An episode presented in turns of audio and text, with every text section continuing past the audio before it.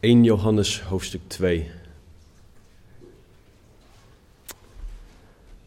Oké, vorige week toen, ik, toen wij in België waren en het naar de zin hadden in onze auto, ehm, heeft Stan samen met jullie gekeken Thank you. naar kenmerken van een echte relatie met God. Stan heeft met jullie gekeken naar hoe dat er nou uitziet op basis van 1 Johannes hoofdstuk 1, vers 1 tot en met 10. En vandaag wil ik met jullie de volgende stap gaan bekijken. Ehm, namelijk hoofdstuk 2, of een deel daarvan in ieder geval. Maar dan gaan we kijken specifiek naar de kenmerken van leven met God. En dat gaan we aan, aan de hand van drie punten zo direct doen. We gaan kijken naar hoe ga je nou om met zonde. Dat is, jammer genoeg is het een onderdeel van ons leven. Maar hoe ga je er nou juist mee om? Tweede punt waarnaar we gaan kijken is hoe ga je nou om met Gods geboden? Wat, wat wordt er nou van ons verwacht? En het derde punt is omgaan met de wereld. Ook dat is jammer genoeg een onderdeel van ons leven. Maar we hebben het ermee te doen en God geeft ons richting. Hij geeft ons leiding over wat Hij van ons verwacht. En in de brief die wij aan het behandelen zijn, 1 Johannes, is Johannes ons aan het duidelijk maken, wat is nou een echte christen? Hoe ziet een echte christen er nou uit? En Johannes gaat ons vandaag dus meenemen in wat kenmerken van het leven van een echte christen zijn. Ehm, kenmerken van het leven met God van een echte christen. Dus laten we samen bidden en daarna gaan we samen het woord induiken. Heere God, dank u wel voor wie u bent. Dank u wel voor de genade dat we u mogen kennen. Dank u wel, Heere, voor het feit dat u zo oneindig goed bent en dat u naar ons omziet. Dank u wel, Heer, voor de zegen dat we u mogen grootmaken en dat we u mogen kennen als uw kinderen. Heer, doe alstublieft vandaag een werk. Heer, ik wil u danken voor het stuk tekst dat we zo mogen gaan behandelen. Ik wil u danken voor het woord dat u ons gegeven hebt. En Heer, verander ons alstublieft allemaal vandaag naar uw evenbeeld. Heer, niet omdat wij dat verdienen, Heren, niet omdat wij daar zelf aanspraak op kunnen maken, maar omdat Jezus voor ons gestorven is. Heilige Geest, open onze oren, onze harten en doe uw werk. Dat vragen we in uw almachtige naam. Amen. Ik wil jullie vragen om indien mogelijk te gaan staan. Ik wil samen met jullie staand het woord van God lezen. De eerste 17 versen van het tweede hoofdstuk van 1 Johannes. Johannes schrijft, mijn lieve kinderen, ik schrijf u deze dingen opdat u niet zondigt. En als iemand gezondigd heeft, wij hebben een voorspraak bij de Vader, Jezus Christus, de rechtvaardige. En Hij is een verzoening voor onze zonden. En niet alleen voor de onze, maar ook voor de zonden van de hele wereld. En hierdoor weten wij dat wij Hem kennen, namelijk als wij Zijn geboden in acht nemen. Wie zegt ik ken Hem en Zijn geboden niet in acht neemt, is een leugenaar. En in Hem is de waarheid niet. Maar ieder die zijn woord in acht neemt, in hem is werkelijk de liefde van God volmaakt geworden. Hierdoor weten wij dat wij in hem zijn. Wie zegt in hem te blijven, moet ook zelf zo wandelen als hij gewandeld heeft. Broeders, ik schrijf u geen nieuw gebod, maar een oud gebod dat u vanaf het begin hebt gehad. Dit oude gebod is het woord dat u vanaf het begin hebt gehoord. Toch schrijf ik u een nieuw gebod dat waar is in hem en in u want de duisternis gaat voorbij en het ware licht schijnt reeds. Wie zegt dat hij in het licht is en zijn broeder haat, die is tot nog toe in de duisternis. Wie zijn broeder lief heeft, blijft in het licht en er is in hem niets dat anderen doet struikelen. Maar wie zijn broeder haat, is in de duisternis en wandelt in de duisternis. En weet niet waar hij heen gaat, omdat de duisternis zijn ogen verblind heeft. Ik schrijf u, lieve kinderen, want de zonden zijn u vergeven omwille van zijn naam. Ik schrijf u vaders, omdat u hem kent, die er vanaf het begin is.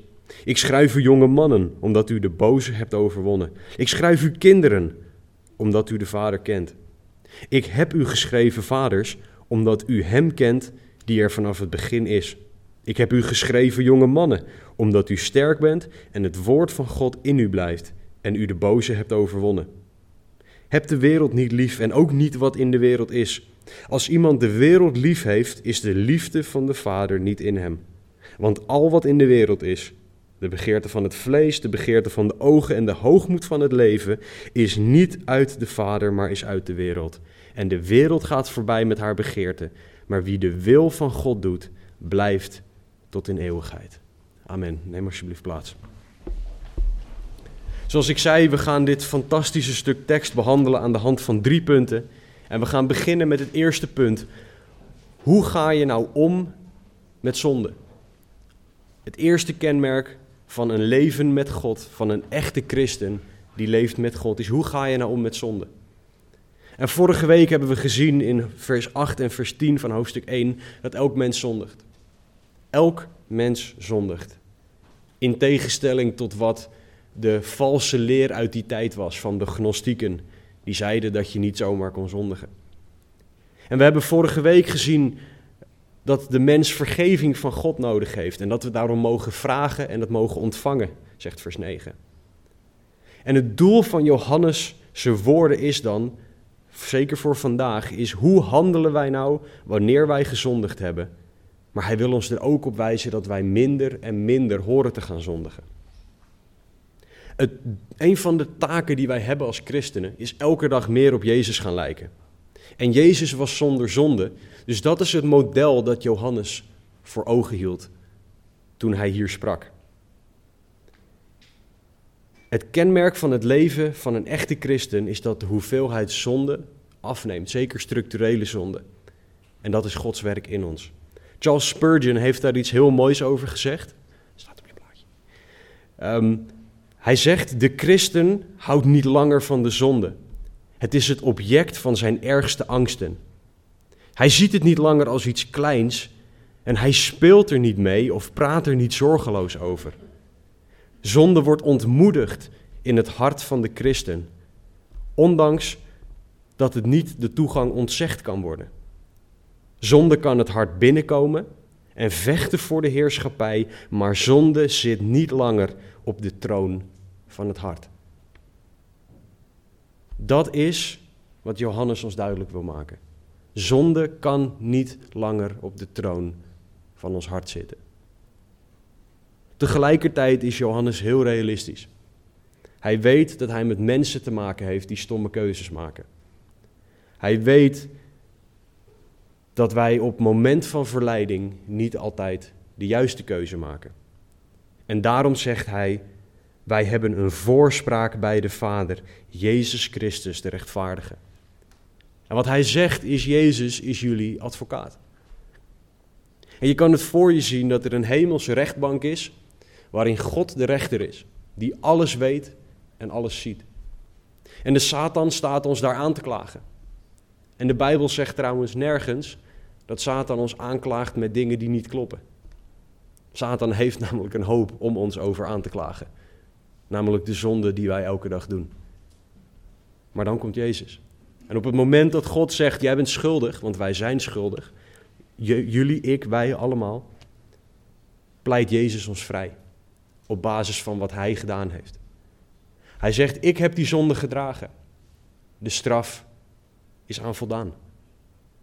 En dat is wat ons zo mag bemoedigen. Elke dag zondigen wij, maar Jezus pleit dag en nacht voor ons, zegt Hebreeën 7. En wij zondigen in ons hart met de houding die we hebben. Ik kan mijn vrouw dienen, mijn dochter dienen en nog steeds een hele foute houding in mijn hart hebben. Ik kan hier staan en jullie een preek geven met nog steeds een hele foute houding in mijn hart. Ik kan hele nare gedachten over jullie hebben. En ik kan zelfs zondige dingen doen, maar Jezus stierf voor dat allemaal. Voor de houding van mijn hart, voor de dingen in mijn gedachten en voor de dingen die ik ook daadwerkelijk doe. En Jezus pleit, pleit ons vrij door dag en nacht te laten zien aan God, ik heb het gedragen. Dat is zo'n bemoediging, want wij zondigen elke dag. Dus het leven van een christen, zegt Johannes, moet gekenmerkt worden doordat we dat zien wat Jezus gedaan heeft. Hij is een verzoening voor onze zonde, staat er in vers 2.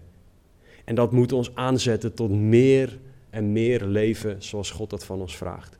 Minder zondigen en meer leven naar Gods wil. En Jezus stierf voor de zonde van ons allemaal. Dus ook voor die van jou. Dat is zo'n bemoediging. Tegelijkertijd wil Johannes dat wij ons realiseren dat de tijd tussen het moment van zondigen en het moment van vergeving vragen moet steeds korter worden. Dus het moet steeds dichter op elkaar komen. Dat wij ons steeds sneller realiseren wat zonde is. En God vragen om vergeving.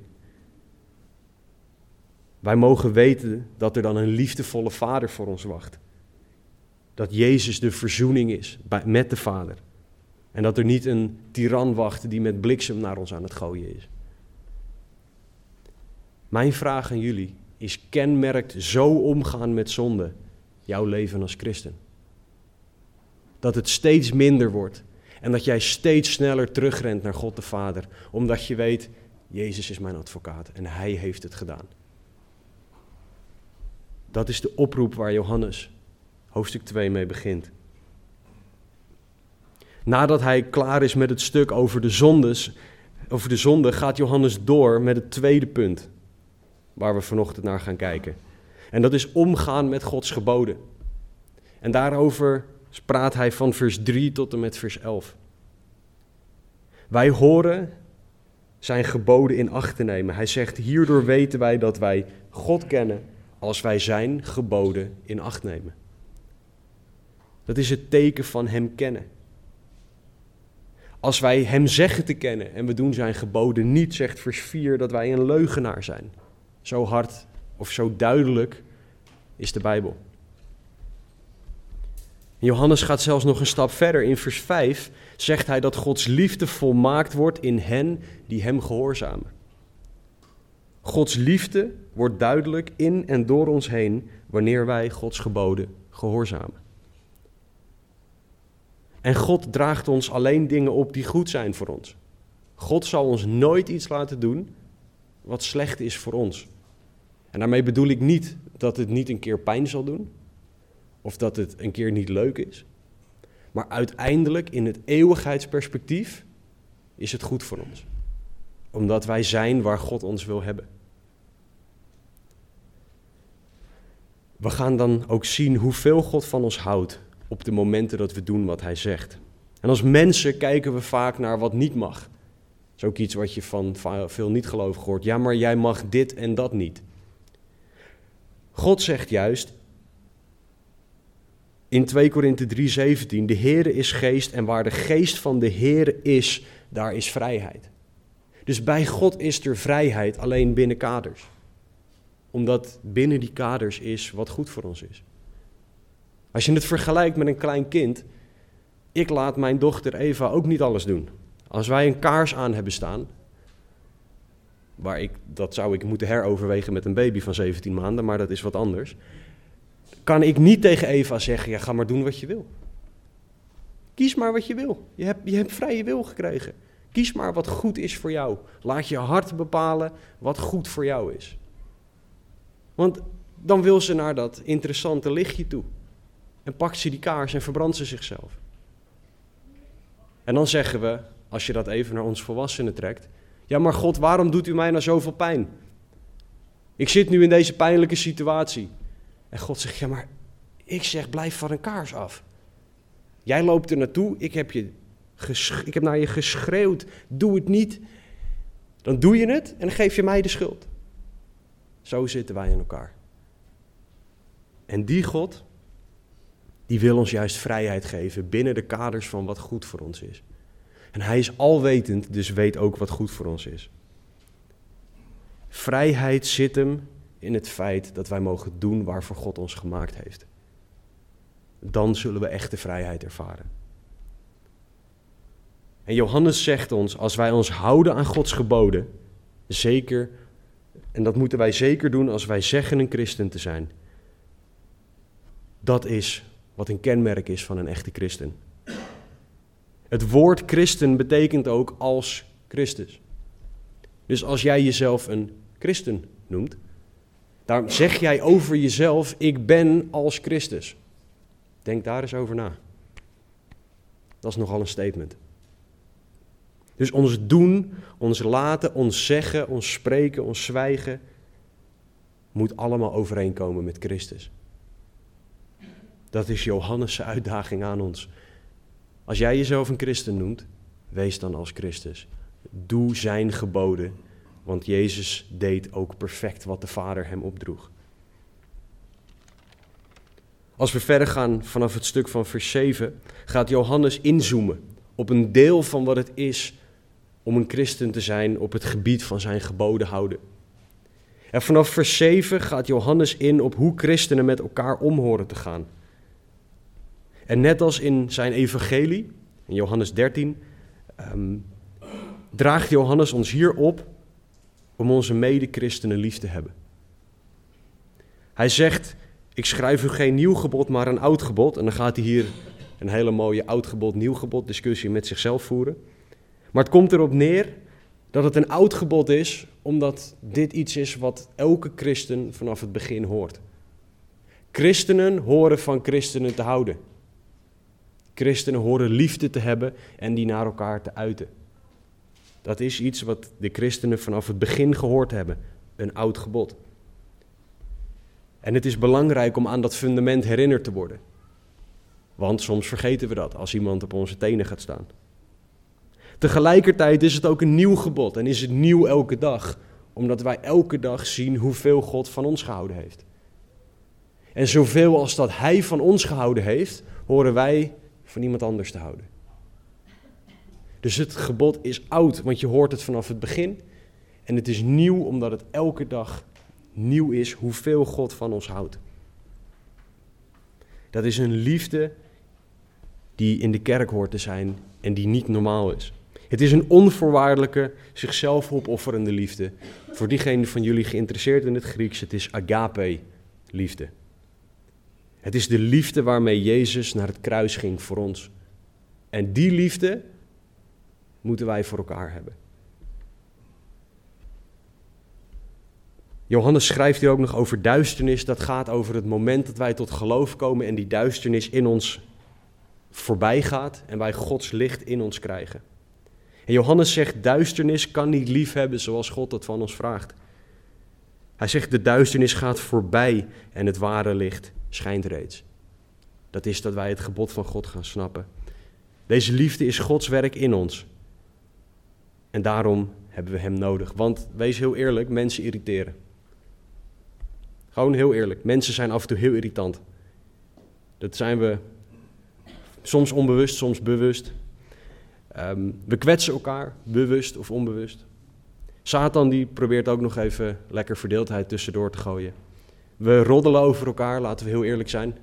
We zijn allemaal zondaars onder elkaar. En dan staan wij voor de keuze.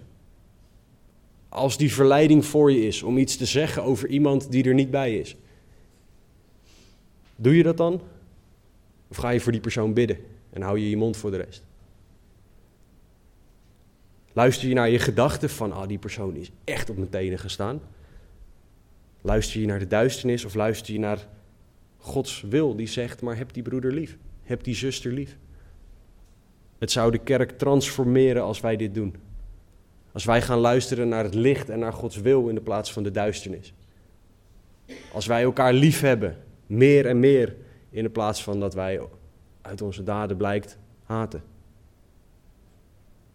Het zou de wereld transformeren. En om verder in te gaan tegen valse leer, want ook de gnostieken zeiden, ah, die kerk liefhebben, dat hoeft helemaal niet. Gaat Johannes nog verder in op de uiting van die liefde.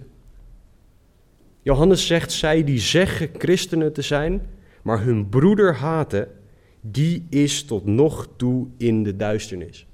Dus het kan niet, nogmaals, het kan niet dat jij zegt een christen te zijn en een van je broeders of zusters haat.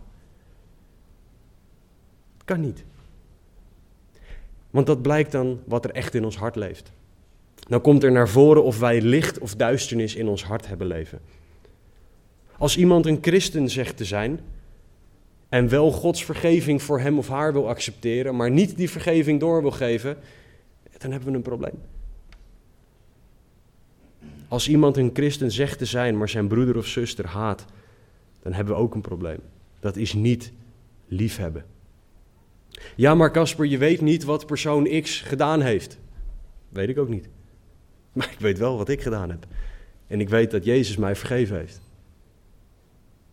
Ik weet wat Paulus gedaan heeft. En Paulus is vergeven. Jij weet wat jij gedaan hebt en waarvan God jou vergeven heeft. Wie zijn wij dan? Hoe durven wij Gods genade voor onszelf te accepteren en die niet door te geven? Dat kan niet.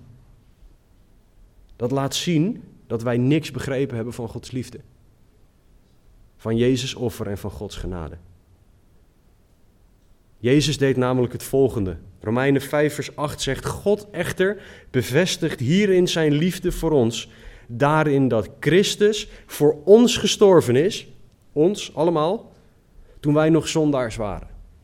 En toen wij zondaars, als toen dat onze identiteit was, pijnigden wij God elke dag.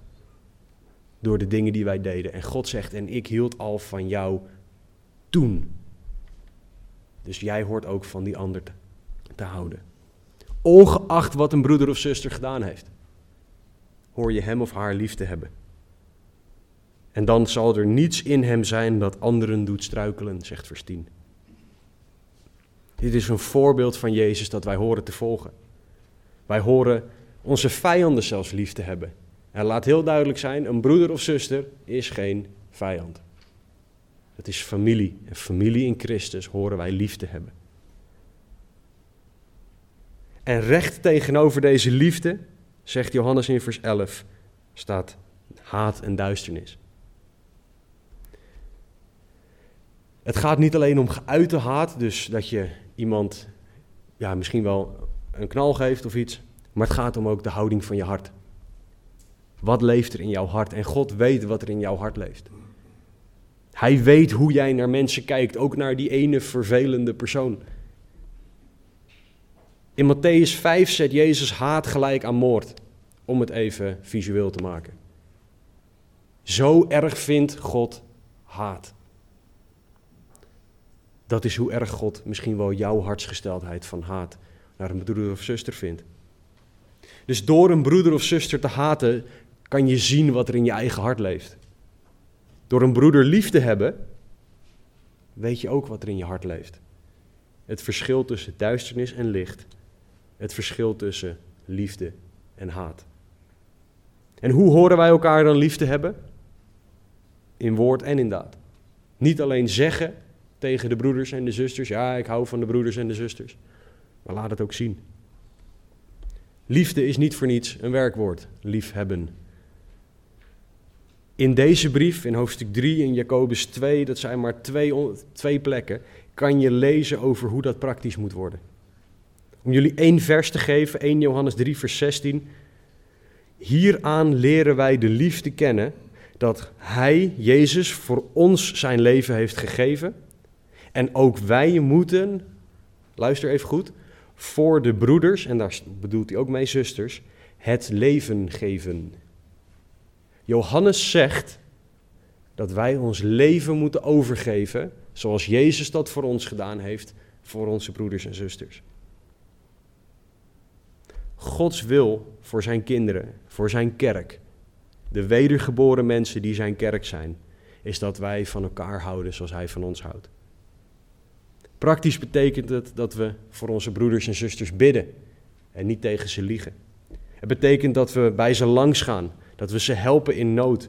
Dat we dingen aan het licht brengen. Als er iets tussen broeders en zusters is.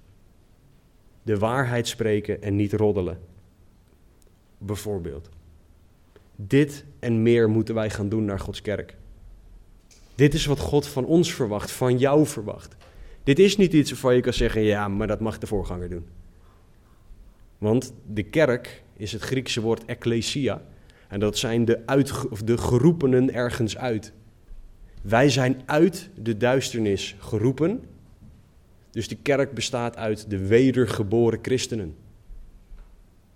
Als iemand mij dus vraagt waar is de kerk, kan ik dat eigenlijk moeilijk beantwoorden. Behalve op zondagochtend. Want dan zijn wij hier. De kerk is niet een gebouw, de kerk zijn de mensen. Dus de kerk hoort van elkaar te houden. En als je hiermee worstelt, als jij haat in je hart hebt, leg het bij God neer in gebed. Zullen na de preek zullen we een moment hebben waarop je om gebed kan vragen. Doe dat dan ook. Vraag om vergeving, vraag om berouw en bekering. Vraag om een liefde voor zijn kerk, zoals alleen God dat heeft. Want die hebben we allemaal nodig. Zodat je zijn kerk zou kunnen liefhebben en zou kunnen dienen zoals hij dat deed.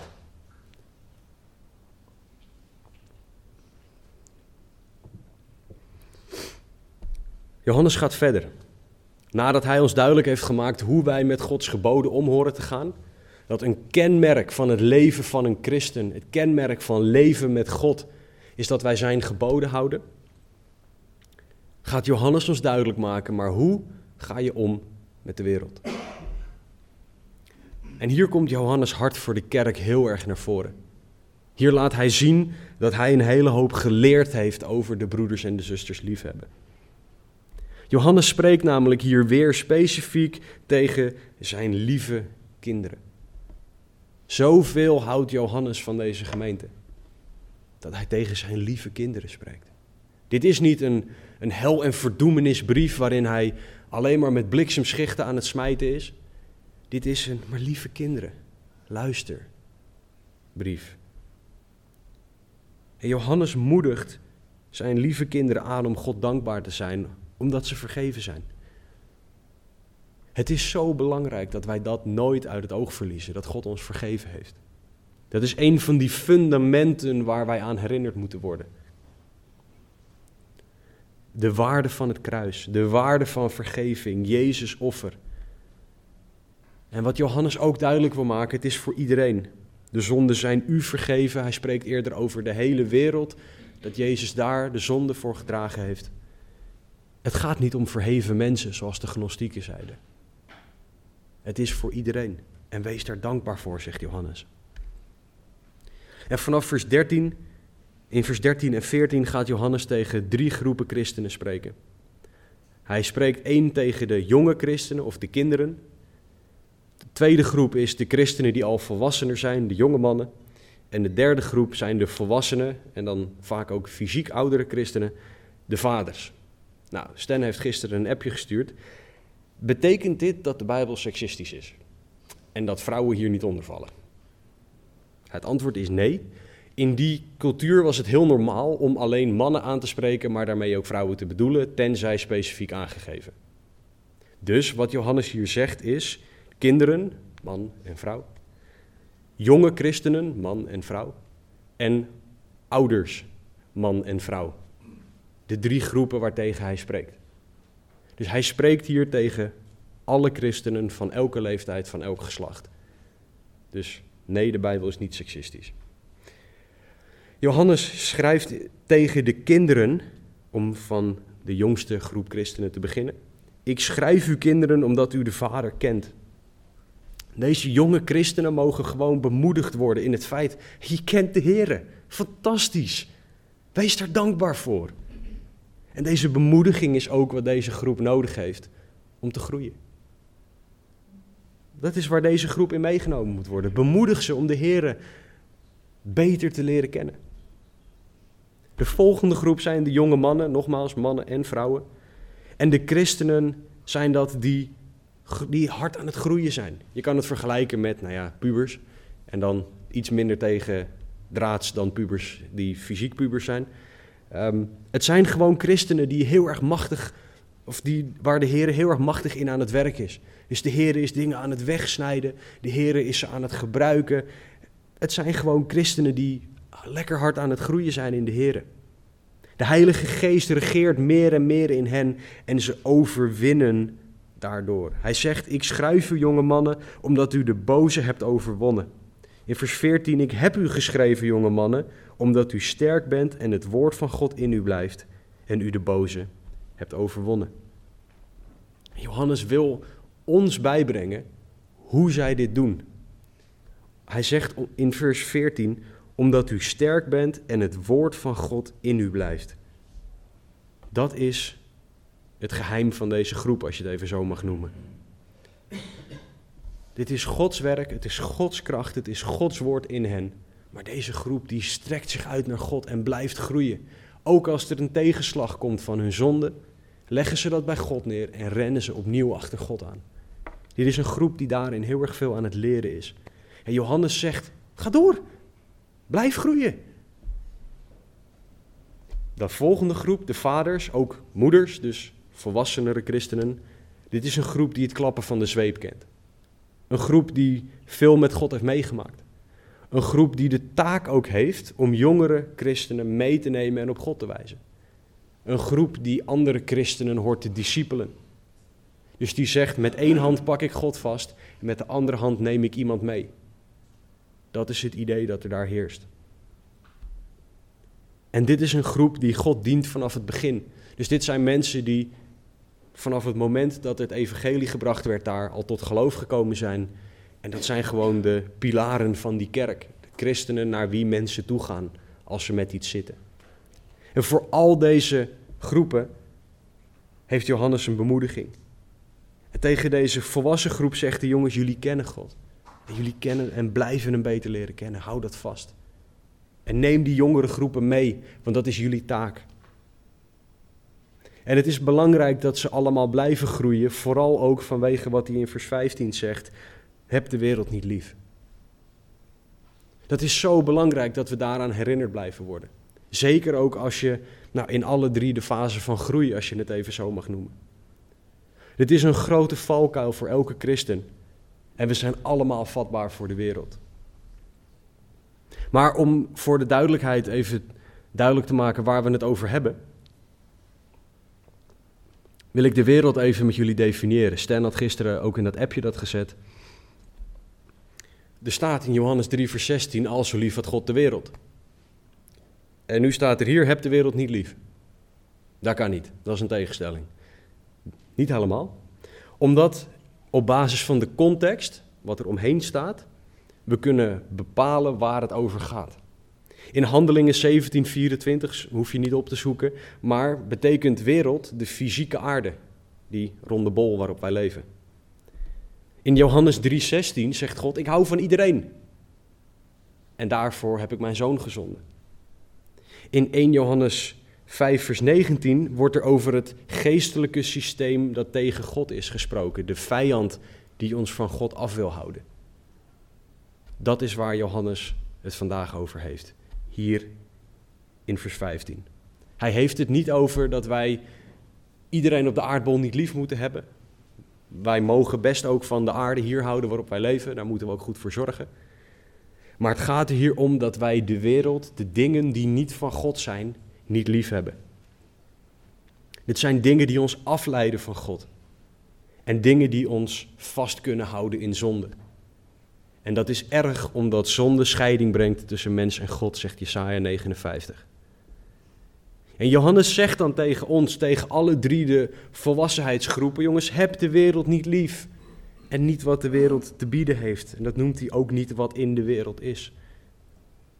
Zowel de wereld als wat daar te vinden is, is niet goed of gezond voor de christen.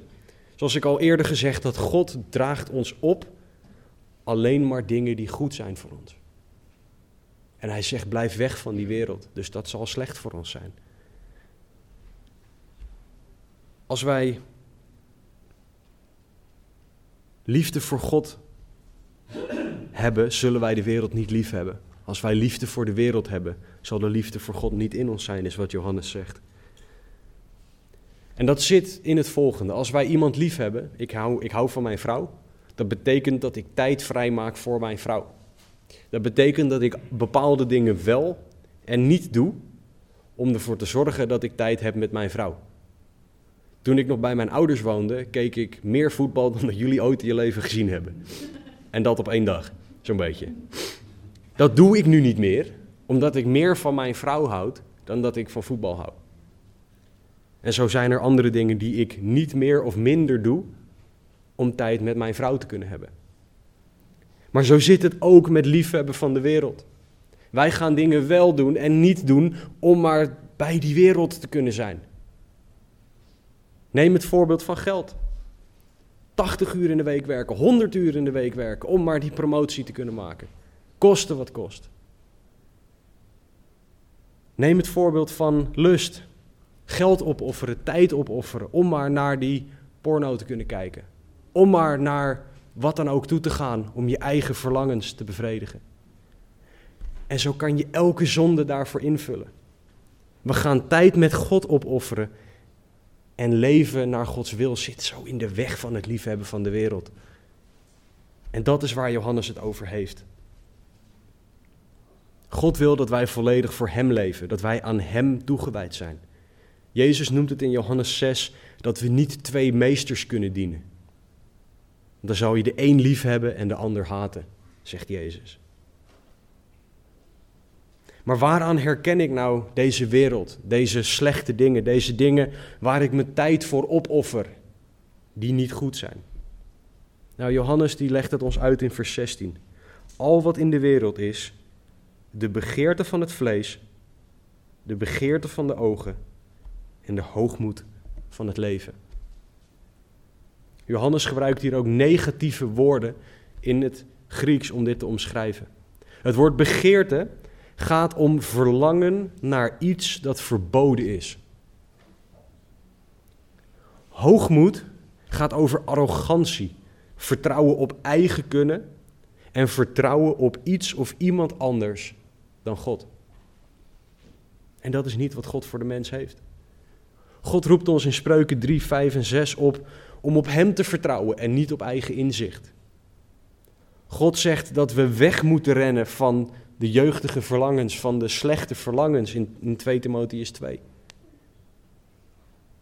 Maar hoe ziet dit er nou praktisch uit, deze drie eigenschappen? Nou, daarvoor gaan we helemaal terug naar Genesis hoofdstuk 3. In Genesis hoofdstuk 3 wordt de eerste zonde begaan. En daarin gaan we heel duidelijk zien hoe dit in elkaar zit.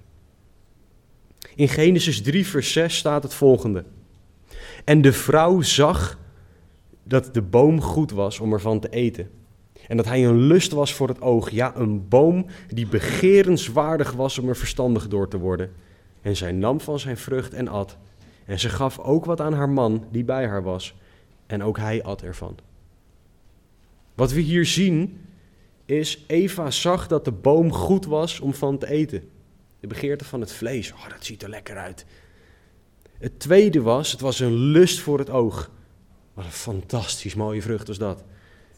En de boom was begerenswaardig om er verstandig door te worden. Ik wil echt hebben, ik wil die kennis hebben, dat is het idee. Maar dat speelt niet in op iets wat van God is. Dat speelt in op de begeerte van het vlees, de begeerte van het oog en de hoogmoed van het leven. Niet iets goddelijks. En Satan speelde in eigenlijk op wat Eva wilde horen en wat ze wilde zien. En Satan is de vijand van God die de mens wil verleiden. En wat het lastige is, of deels lastig is, is dat een hoop dingen in deze wereld op zichzelf niet slecht zijn. Maar de manier waarop het gebruikt wordt is slecht. Bijvoorbeeld, seks is goed. Binnen grenzen. De grenzen die God aangegeven heeft. Maar dan is het geweldig iets wat we van God gekregen hebben. Deze wereld zegt, ja, maar die grenzen, hè. Doe lekker waar je zelf zin in hebt. En daar gaat het fout. Geld is ook niet slecht. Kan je heel nuttig gebruiken. Maar op het moment dat geld een doel op zich wordt, is het wel weer fout. Wijn drinken is ook niet verkeerd. Nou lust ik het zelf niet, maar dat is een ander verhaal.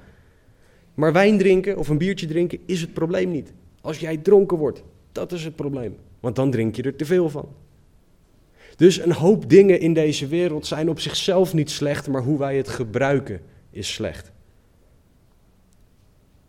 En dat is wat wij moeten gaan zien. God geeft de grens aan. God roept ons op om de wereld en haar lusten te ontvluchten. En dat kan alleen als wij geleid zijn door Gods geest.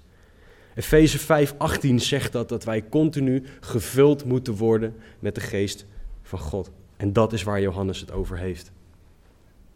En net als Eva staan wij elke dag voor de keuze: volgen wij God of volgen wij onze eigen verlangens? Kiezen wij wat God gezegd heeft of wat de wereld gezegd heeft? En bedenk goed, de wereld zal ons nooit iets voorhouden wat op zichzelf slecht is. Wat er in eerste instantie slecht uitziet, want zo dom is Satan nou ook weer niet. Dat hij zegt, ik heb hier iets heel slecht voor je, wil je het hebben? Nee, hij geeft ons dingen die in eerste instantie goed voelen, er goed uitzien, waar je in eerste instantie gelukkig van wordt, maar uiteindelijk vervult het niet. Als deze wereld zou kunnen vervullen, waarom zijn we dan zo ongelukkig met z'n allen? En ik ga nu een aantal voorbeelden noemen die misschien heel confronterend of hard zijn. Maar luister alsjeblieft naar de boodschap die erachter zit. Deze wereld kan niet vervullen. Als seks vervult, zouden prostituees dan niet de gelukkigste mensen ter wereld moeten zijn? Als alcohol vervult, zouden alcoholisten dan niet de gelukkigste mensen ter wereld moeten zijn? Als geld vervult, zouden de stinkend rijke mensen van deze wereld dan niet het meest gelukkig moeten zijn? En van deze drie groepen mensen zijn, zitten er de meeste mensen bij psychologen, psychiaters, in afkikklinieken, op de meest verschrikkelijke plekken, zeker ook in hun denken en geestelijk gezien. Het vervult op zichzelf allemaal niet. Mensen weten, het maakt niet gelukkig dit. Er mist iets. Meneer Rockefeller, een van de rijkste mensen ooit, heeft gezegd toen hem gevraagd werd: wanneer is het genoeg? Een klein beetje meer. Dat is deze wereld. Het is nooit genoeg. Het is nooit genoeg. En Johannes zegt daarom ook in vers 17: De wereld gaat voorbij met haar begeerte. Het gaat voorbij. Het is tijdelijk. We kunnen er heel veel tijd en heel veel energie in stoppen. Maar het gaat voorbij. Wanneer jij sterft, kan je het allemaal niet meenemen. Je zal, wanneer jij sterft, naakt en alleen voor God staan, om het even visueel te maken. En God zal kijken naar je daden. Niet naar wat jij allemaal verdiend hebt aan geld, aan materiaal, wat je allemaal verzameld hebt of wat dan ook. God kijkt naar je daden. En de vraag is dan: zijn jouw daden waardevol of waardeloos in Gods ogen? Weet dat God een rechtvaardige rechter is, die elke daad zal oordelen naar of het juist is of niet. En God heeft aangegeven wat wel en wat niet juist is. Johannes zegt dat onze daden overeen moeten komen met God en niet met deze wereld. Johannes zegt: ga niet in op de begeerte van het vlees, de begeerte van de ogen of de hoogmoed van het leven. En ik kan je verzekeren, elke zonde is onder deze drie dingen te scharen. Allemaal. Ik wil er best na de dienst met je over praten en dan gaan we ze allemaal netjes in die categorieën stoppen. Wij mogen ingaan op Jezus aanbod. Dat wij ons leven, ons kapotte, verscheurde leven bij Hem mogen neerleggen. En dan kan en zal Hij je vergeven van, je, van al je zonden. Zodat je voor eeuwig bij Hem mag zijn. Johannes zegt, wie de wil van God doet, blijft tot in eeuwigheid. Zo vaak denken wij aan het hier en nu. Ja, maar dat voelt even zo goed. Maar uiteindelijk vervult het niet. En uiteindelijk heb je er niks aan. Mijn vraag aan jou is: ken jij God? Ligt jouw leven in zijn handen? Misschien ben jij leeg. Heb je allemaal dingen van deze wereld achterna gezeten en weet je dat het niet vervult? En misschien wil jij wel weten hoe God je leven echt bedoeld heeft dan mag je vandaag je leven in zijn handen leggen. We hebben vandaag gekeken met z'n allen naar dit prachtige stuk tekst uit 1 Johannes 2. En we hebben gezien hoe een christen hoort te leven, wat kenmerken zijn van het leven met God. En we hebben gezien dat we de zonde mogen ontvluchten, moeten ontvluchten op het moment dat het op ons pad komt. Maar op het moment dat, het, dat we toch zondigen, mogen we teruggaan naar het kruis van Jezus Christus. Waar Hij alles gedragen heeft voor jou en voor mij. We hebben als tweede gezien hoe we om moeten gaan met Gods geboden. Dat we zijn geboden moeten gehoorzamen. En dat we specifiek ook onze broeders en zusters horen lief te hebben. Met de liefde waarmee God jou en mij lief heeft. En als er haat in jou is richting een broeder of zuster, bekeer je daar dan van. Als jij Gods kinderen haat, kan je niet tegelijkertijd God lief hebben. Dat gaat niet samen. En als derde hebben we gezien hoe moeten we nou omgaan met de wereld. Ongeacht of je een jonge christen bent, of dat je al een tijdje met de Heer wandelt, of dat je al heel lang met de Heer wandelt. Heb de wereld niet lief. Heb God lief. Johannes moedigt zoveel van ons aan. Luister alsjeblieft naar wat hij te zeggen heeft, naar wat God hierdoorheen tegen jou wil zeggen.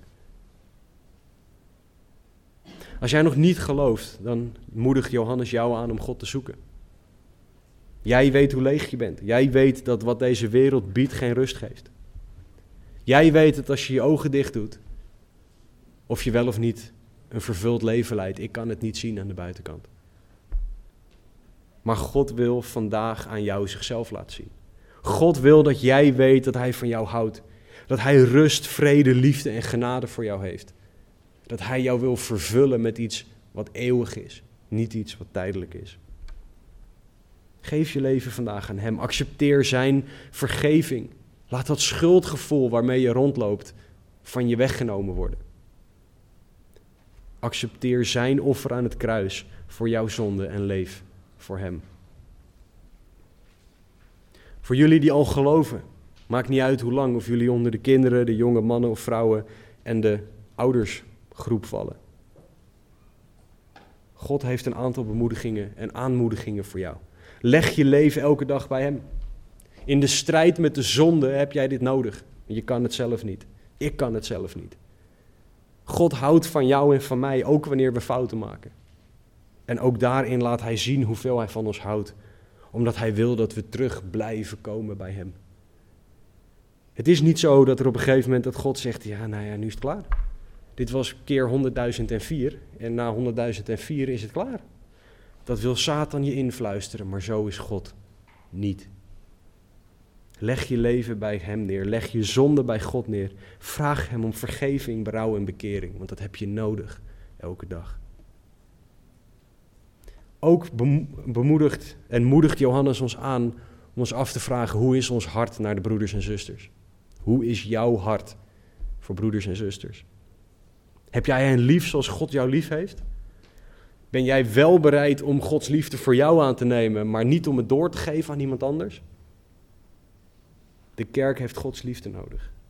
Dus onderzoek jouw eigen hart en ga met God hierover in gesprek. En als laatste, deze wereld gooit veel op ons af. Elke dag. Je hoeft je telefoon maar aan te zetten, het internet te openen. Je hoeft maar naar buiten te stappen uit je deur.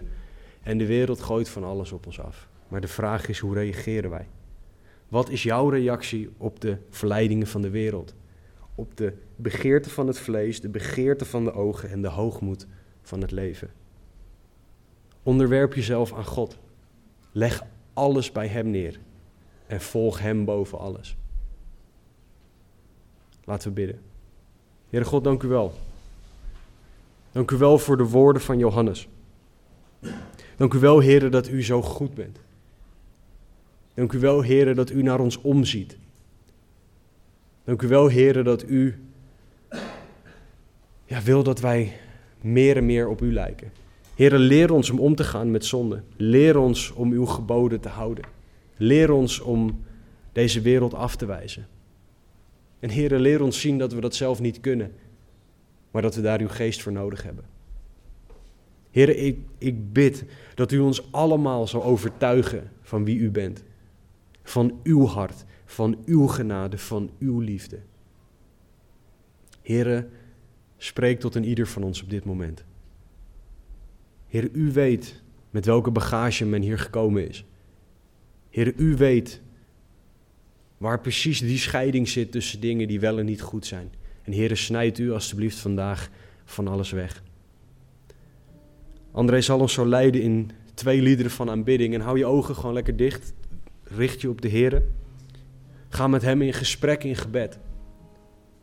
Maar als jij gebed wil hebben, want we hebben allemaal gebed nodig.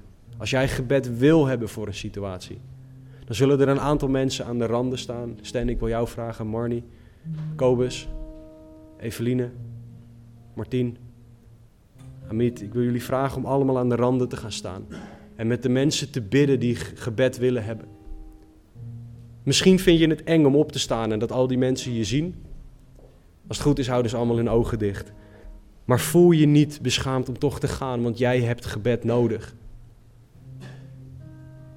Ga, sta op en vraag om gebed. Delano, wil jij er ook bij gaan staan, alsjeblieft? Ga hier niet weg zonder dat er met je gebeden is als je dat wil hebben. En we zijn meer dan bereid om met je te bidden.